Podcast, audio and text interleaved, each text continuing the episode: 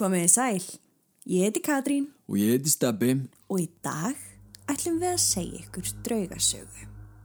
Að þessu sinni er ferð okkar heitið til Colorado í Bandaríkanum en bærin sem við ætlum að heimsækja er morandi í frásögnum um draugagang og því ætlum við að skoða tvo staði bæjarins í þessum þætti.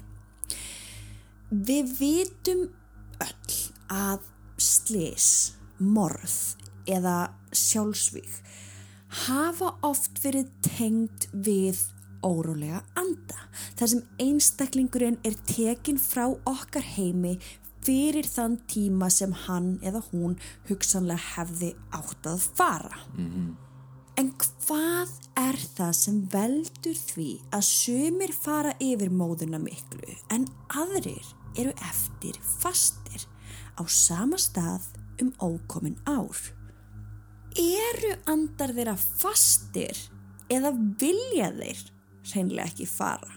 Eða er kannski einhver nú eða eitthvað sem heldur þeim í gíslingu og sumum þeirra meira segja bak við lás og slá? Veri velkomin til Krippul Krík.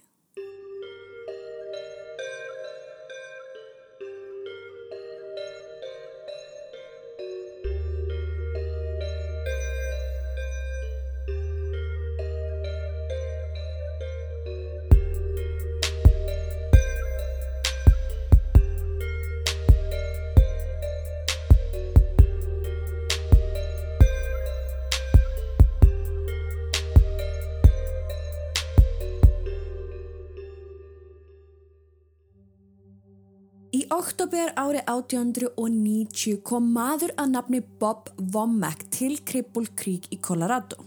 Cripple Creek var á þeim tíma ekkert meira en pínulítið sveitaþorp sem var engungu rekið á búfjenaði og öðrum landbúnaði.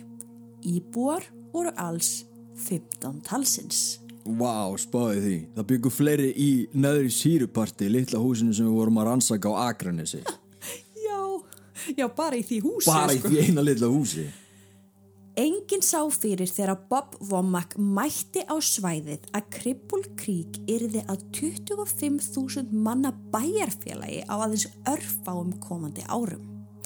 Bob fann nefnilega námu þannig bænum sem var full af gulli og líkt og önnur bæjarfélag sem urðu til á hennu svo kallaða gullæði stóð Cripple Creek upp úr að tvennu leiti og það bókstaflega.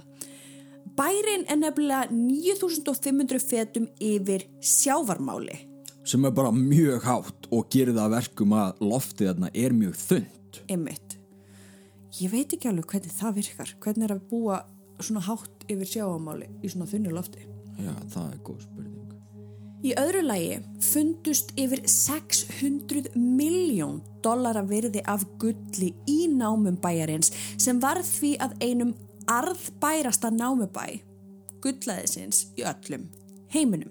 Það er svolítið stórt.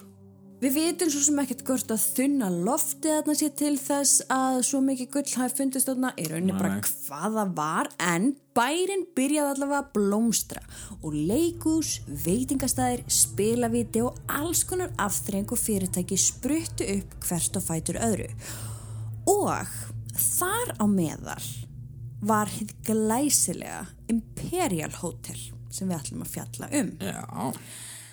Það var byggt árið 1896 en fjölmargir keiftu og seldu hótelið á fyrsta áratögnum eftir byggingu þess þar sem allir vildu græða á gullæðinu. Já, ég heldur bara allir að þarna væri gull gæsin og bara, já, ég ætla að kaupa þetta Akkurat. og ég ætla að kaupa þetta. Á árunum 1905 til 1908 keifti svo loks maður að nafni George Long hótelið sem kom til með að helga lífi sínu starfseminni. Með öllum þeim fjölda sem nú bjó á svæðinu urðu glæpir og morð fljótlega daglegt brauð. Cripple Creek var orðið að algjörum svona amerískum kúrikabæ sem einkendist að andrumsloftinu í vilda vestrinu. En við höfum alveg tekið fyrir svona gullbæi og þetta Já. er alltaf, þetta er alltaf sama sagan. Það Já, er já. alltaf fullt af fólki sem kemur þarna, fólk verður gráðugt, fólk Mhm. verður að, þú veist, Stela gulli frá hver öðrum og... En allt þetta stoppaði ekki englendingin okkar, George Long, í að gera hótelið að hinnu glæsilegasta. Hann, ásamt Úrsulu, konu sinni, eignaðist tvö börn, stúlkubarnið Alice og svo dreng nokkrum árum setna. -hmm. En við veitum ekki nafnið á honum. Nei, við gætum ekki fundið það út. Long fjölskyldan bjó í íbúð sem staðsett var í öðrum enda hótelsins sem í dag er starfandi veitingastafur.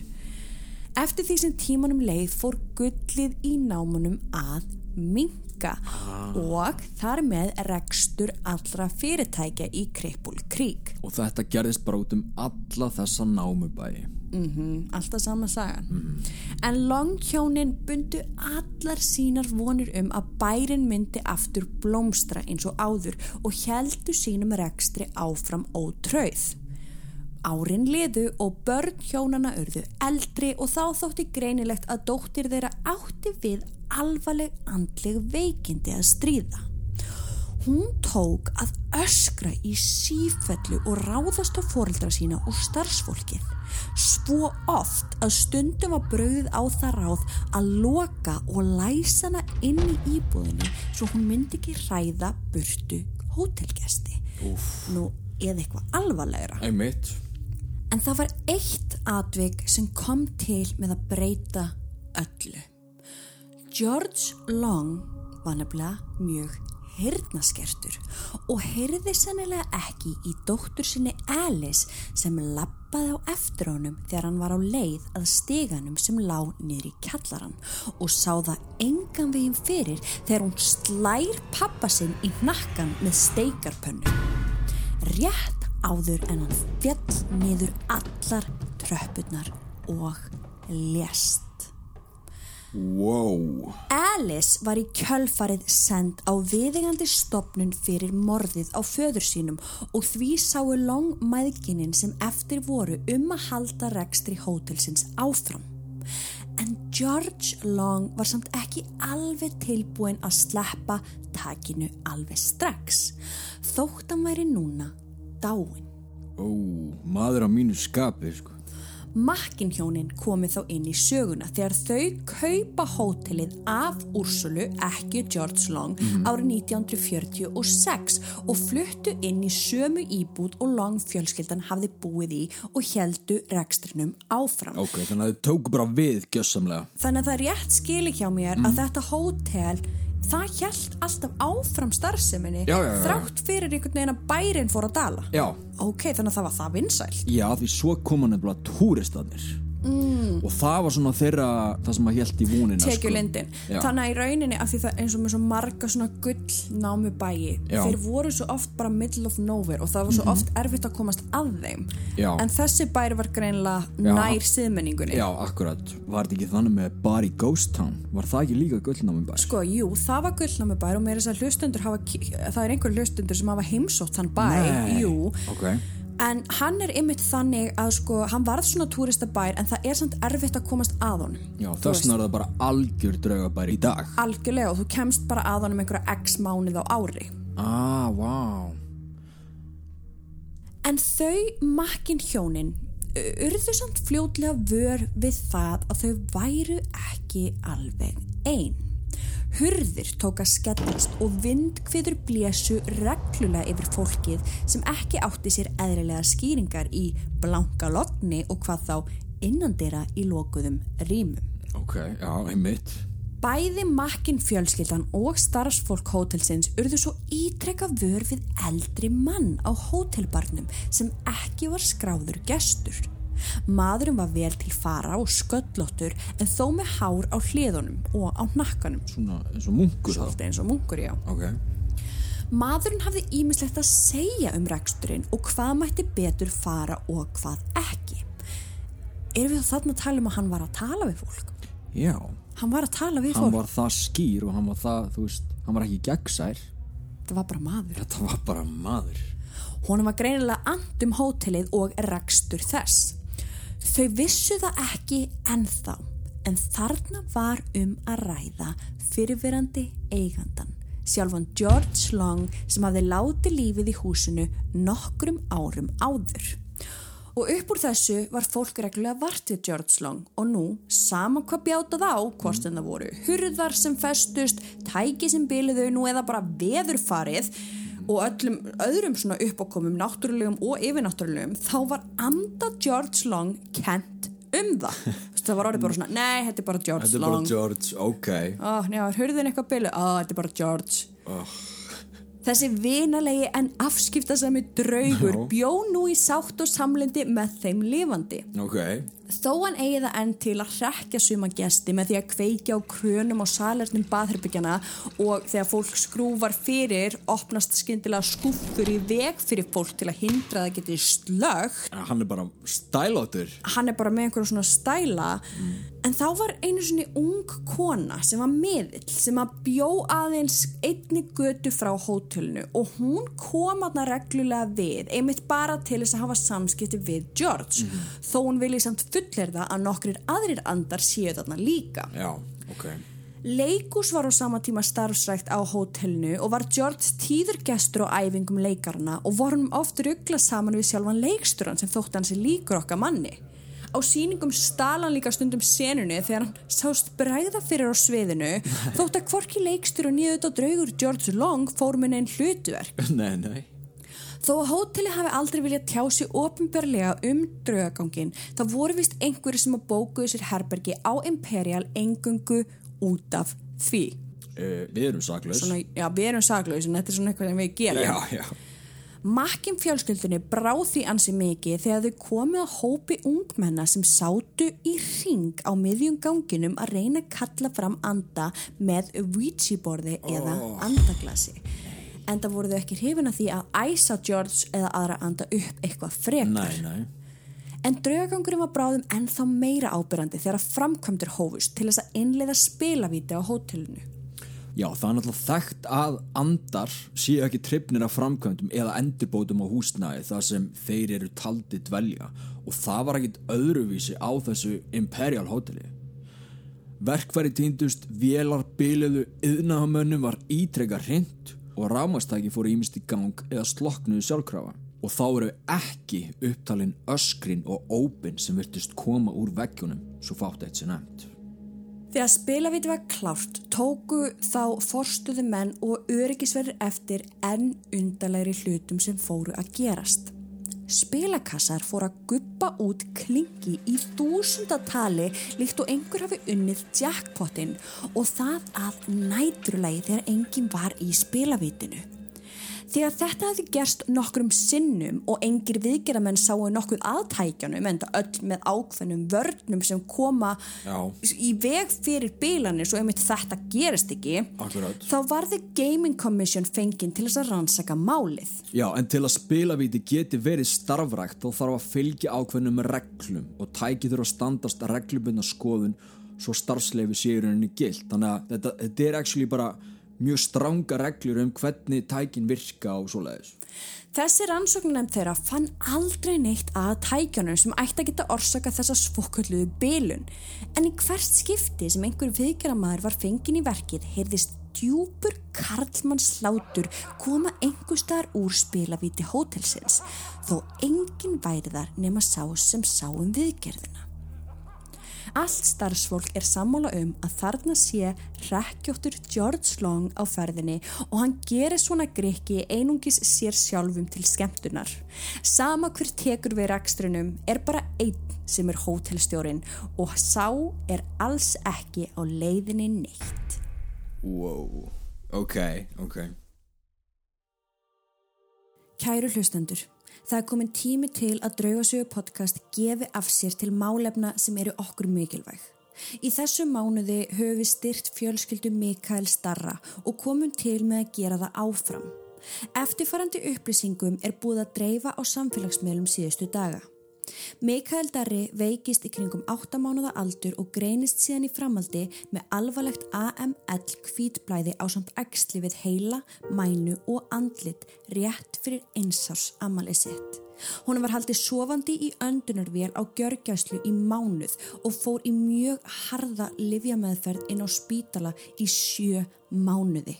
Í september á síðasta ári greinist Mikael Darri með hærisk illkynja krabbamein í munnvatskirlinum sem hefur drift sér í eitil og mögulega lungu.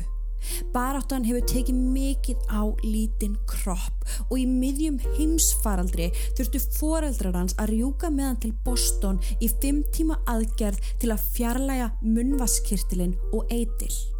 Mikael Darri hefur verið ótrúlega sterkur og má segja að hann sé í raun algjörst kraftaverka barn miða við allt það sem hann hefur þurft að ganga í gegnum á sinni stuttu æfi. En baráttunni er hvergi lokið þar sem Mikael Darri er búin að vera í geyslum og svæfingu á hverjum degi í desember og janúar vegna illkynna krabbamenns og nú er sýstrans sunna líf komin í rannsóknir vegna hnúðs sem fannst í skeifugörnunni og mikil veikindi síðustu vikur. Óvissan er því mikil með bæði börnin. Nú á meðan Líf og Magnús foreldra þeirra standa í þessu krefjandi verkefni og þessari miklu óvissu með framtíðina hefur verið stopnaður styrtareikningur á nafni Lífar. Eins og við sögðum áðan, Draugasögu podcast mun halda áfram að styrkja þau næstu mánuði með peningaframlögum og við hvetjum ykkur hlustendur að gera það sama. Margt smátt gerir eitt stórt á vel við núna. Ef þúsund manns legginn þúsund krónur þá eru við komið miljón. Ef að tvö þúsund manns legginn þúsund krónur eru komna tvær. Saman getum við hjálpa þeim svo mikið. Reikningsnúmerið er 536 höfubók 26 8389. Kennitalan er 1303 84 8389. Hjálpum Mikael Dara og fjölskyldu hans í þessu erfiða verkefni.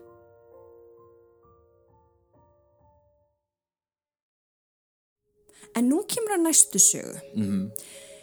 Þegar að græðki fólks tekur yfir skynnseminni er nánast gefið að ríður á melli manna eigi sér stað. Já, Sérstaklega þegar svo mikill fjöldi fólks er saman tróðið á pínulöllum stað. Akkurat. Fljóðlega var því þörf fyrir fangelsi í Krepulgrík ásamt öðrum nöðsynlegum stopnunum. Teller County Jail fangelsið var starfrækt í bænum frá 1901 allt til ásins 1991. Já, vá! Mm -hmm. Það er íburðar mikill múrsteins klumpur. Það er ekkit flóknara. Það bara er það í rauninni. Mm -hmm. Það er reist í svona télaga og svona grá appelsínu litað hús með svona örfán þrepum sem leiða engangi húsins. Það setur á tveimur hæðum með klefum ofan á hver öðrum sem mynda svo klefablokkina sem stendur í miðju húsins. Fangaverðinir sem störfið í fangilsinu voru ekkert sérstaklega þjálfaðir fyrir starfsitt en tóku því samt mjög alvarlega og sumir það alvarlega að þeir sinna því ennþá, jafnvel þóttir síu dánir.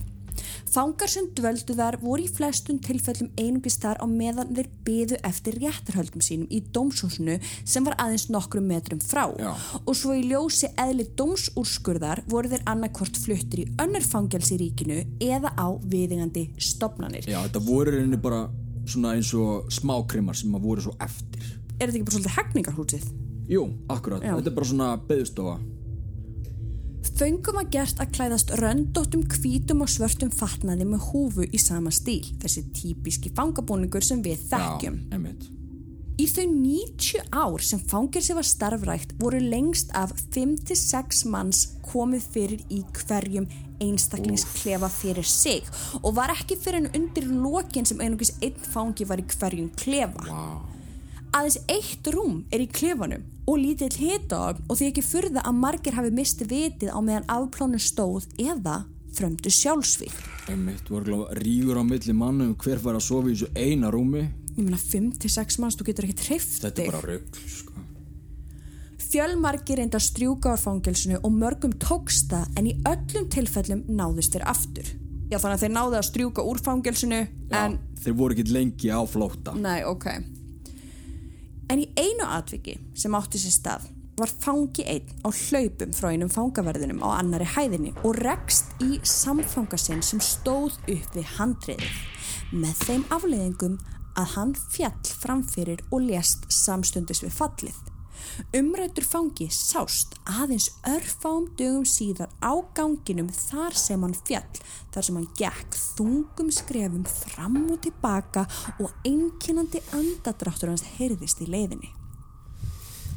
Ekki var um neitt annan fanga að ræða því allir hinnir voru alltaf læstrin í sínum klefum þegar fótatökin heyrðust og fótatökin og stór skuggi hans hefur sérst þar allt til dagsins í dag. Gestir sem koma og skoða fangelsi sem í dag er sapp er varað við að standa ekki upp við handriði of lengi eða að minnstu kosti ekki láta sér þó bregða ef einhver ósynlegur andar niður hálsmálið þitt og reyna að íta þér yfir það og eru þá konur vinsulöstu fórnalab anda þessa manns. En talandi konur, Já. þá er hvenn fangavörður að nafni Rósi en talinn starfa í fangelsinu í dauða sínum. Hún hefur oft sést á annari hæð fangelsisins og í gamla svepplási sínu þegar hún var starfandi og er alveg ófeimin við að láta vita af sér. Býtu, gamla svepplási sínu áttu það við í rauninni, hún átti þarna eitthvað herbergi. Já, það var eitthvað svo leiðis. Hún hefur haft samskipti við okkur lifandi í gegnum EVP og Spiritbox og að eigin sögn er hún vist enn í vinnunni að sinna hvernföngum fangelsisins. Já, þetta nefnilega vekur alveg upp smá spurningar. Því hérna er um að ræða intelligent anda sem að er að tala við fólk í gegnum EVP og Spiritbox. Hún er að svara, en samt er hún að senna, hvað þá, einhverju residual, hva, hvað er að gerast? Ok, stay Eh, hvað. Sé, hvað sér hún? Stay with me. Hérna, Já, með þið sem eru búin að hlusta á viðtalið við Dave Schrader Já, uh, því í kynslaðinni munið þegar hann segir söguna um þegar hann hérna er á ganginum og hjúgrunakonan sér hann alveg og hann sér hana og hún sér hann og hann segir hvor er rauninni draugurinn í þessu tilfelli einmitt, af því hún var skítrætt að sjá hann. Akkurat, ég fór allt í hennu bara að hugsa hvað ef þessi kona er bara að heyra þessar rattir Einmitt. hún er kannski bara að sinna vinnunni sinni af því við tölum hún sé intelligent, Já, ok, já. hún er það en hvað ef hún er bara, veist, að sinna sinni vinnu og svo heyrir hún bara þessar rattir sem eru við að spurja í gegnum spirit Og kannski er það hún sem er opinn, þannig að hún geti heyrt þetta. já, og hún er bara, þú veist bara, what are you doing here? hvað meinar ég er að vinna? Fattur hvað við? Mjög, skilur hvað ég er að tala um? Já. Þannig að mögulega Þetta er svo- er þetta eitthvað svona e- eitthvað- tíma breachy tíma þetta, þetta er mjög skrítið og mér finnst þetta bara mjög áhugavert og þessi kenning Dave Schraders sem að margir hafa talað um sem hafa fylgst með okkur á kynnslóðinu meðal annars Andrea Perron og Jay Wasley og fleiri þá er þetta ekkert kannski alveg úr lausu lofti gripi, ég menna ég veit ekki hvaða önnur útskýring gæti mögulega átt sér stað hana nei, ekki ef hún er að svara svona intelligent. Einmitt. og maður spyr sér líka sko, mannstu þegar við vorum á Akranesi og þá segir, ef við spyrjum konuna hvort hún sjá okkur? Og hún segir nei. Hún segir nei já, akkurat, þetta er nákvæmlega eins. Þú veist, kannski er hún bara að heyra einhver, einhverja spurningar. Einmitt. Það geti verið. Já, við getum haldið að það já, Eitt kvöldi þegar dósendu fangelsis safnið var að pakka saman og gera sig klára að læsa húsnæðinu þá kemur hún auga á mann við aðalingangin. Hann stendur og horfir á hana líkt og hann sé að byggjum að fá að komast inn. Hún opnar milli hurðina og ætlar að spyrja hvað maðurinn vilji en um leið hún opnar er maðurinn horfin.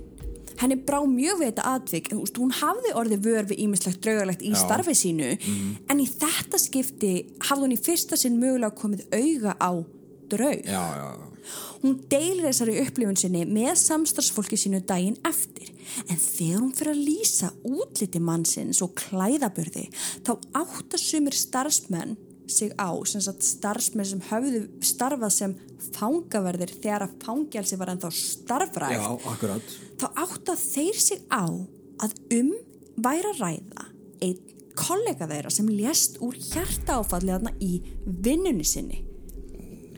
What, wow. Og þetta er nefnilega ekkert svo langdreið að þú veist, ef þú nei. að vinna á einhverjum stað með einhverjum aðila í ótrúlega langa tíma Já, já. þá og, og þessi aðli deyr síðan. Þú veist alveg hvernig hún klæðið sig þú veist hvernig hún já. þú veist hvernig hún lítur út og það er oft þannig sem að við komast að því hver draugurinn er. Já, já, Það, það, það er oft þannig að þú veist, þú veist ekki hver draugurinn er síðan fyrir að tala við fólk Mhm. sem annarkvort var starfandi á hótelinu eða á spítalinu með annars líkt og þá fara að tjekka í þessu box. Já, já, þú veist að fá í rauninu upplýsingar frá öðru fólki. Akkurat. Og og það er raunin það sem að staðfestir það eða bara ennþá frekar. Akkurat. Í sjálfu fangelsinu hafa margir komið auga á svarta skugga í ákveðnum klefum og forðað sér út á hlaupum en þeir sem kjarkin hafa til þess að staldra eins við finna þó annarkvort fyrir snögg reyði sem skyndilega kemur yfir þau eða þá óstjórnlegri sorgar tilfinningu sem kemur mörgum í mikið uppnám. Talið er víst að tilfinningar breytingar sem þessar séu andanir að láta fólk finna fyrir þeim Mhm. tilfinningum sem þeir upplifðu í afplánin sinni eða þeirri líðan sem þeir búa við enn í dag. Aftur langar mig til þess að minnast á annað viðtal við Jay Worsley já, úr Ghost Adventures manstu þegar að þú veist hann fór einmitt að tala um hvað með að það er ekki neini geðsjúdómar hvað ef það er bara fólk sem að ég er var svo ótrúlega næm mind blown þú sko. veist, ég ætla ekki þú veist, þetta er, þetta er bara kenningar. Já, já, ég vona já. að ég er búin að hlusta viðtali en þú veist, akkur þú pælir í þarna þú veist, þú ert að koma þarna inn. Já, já, einmitt. Sem fyrst það sem er dætt í hug. Já, mér langar nefnilega að kafa svolítið aðeins meira í þá pælingu. Veist að ekki gera það. spjall þátt já, algjörlega Hurðin sem nú liggur að gjafaverslun sapsins og aðskilur klefablokkina hefur oft opnast harkala þó engin eðlileg skýring sé á hvers vegna hún myndi gera það. Fyrir utan það þá er hún ný þung og íburða mikil stálhurð sem á ekkert að geta gert þetta. nei, nei, Safnverðir og aðri starfsmenn gjafaverslunar hafa því brugðið á það ráð að girða af svæðið sem liggur að hurðinni svo engin gestur verði fyrir. Þú Veist, því ef að hurðin skyndilega ætlar að opnast sjálfkrafa já, já þá myndi líklega viðkomandi stór slasast. einmitt En fólk veldi fyrir sig hvort ung stúlka sé ábyrg fyrir látunum í hurðinni. Engin veit hver hún er eða hvaðan hún kemur. Það greinlega bara þekkir hana, engin, enga myndir, engin sem kannast við hana. En það er líklegt að hún hafi verið dóttir einhvers fangavarðar sem sumir hverjir byggu í sjálfu fangelsinu. einmitt, eins og þessi kona þarna Akkurat. Hún sést aðalega í gjafavöru vestlun sapsins valhoppandi í ljósum kjól. Hún hefur mikinn áhuga á myndum og kortum, sennilega frá tímum hennar og það virðist einhver vera að fykta í þeim vegna þess að þau, er ofta eins og þeim sé kastað einhvern veginn af vegnum. Þú veist, þau eru úr í. Já, þau eru í hillum, búið að raða þeim mjög vel en Já, stundum sem sagt bara faraðu upp og bara beint 90 gráður. Kanski er hún að reyna að tegja sig í þessi kort til þess að geta skoðað aðeins betur. Já. En allar vörur sem gefa frá sér einhver hljóð eins og spiladósir, þær eru einnig í uppáhaldi hjá henni og hún setur þær reglulega í gang þó ekki sé vita hvernig hún náði að trekja þær. Margir gestur hafa brosað til hennar þegar hún bræður fyrir en brosið þeirra er fljótt að breytast í undruna svip þegar að litla stúlkan skokkar í gegnum útidrahurðina án þess að opna Bæjarfélög sem Kribbul Krík eru víða um bandaríkin sem spruttu upp á tímum gullaðisins. Glæpir fylltu göturnar og græðkinn tók yfir marga. Þar sem áður var ekkert fylltist á örskömmum tíma og var yfirfullt af fólki. Yfirfullt af tilfinningum, sorgum, reyði og gleði allra þeirra sem kölluði staðin heimili. Þar sem sagan er mikil er ekki skrítið að Krippul Krík sé einnig yfir full af draugum.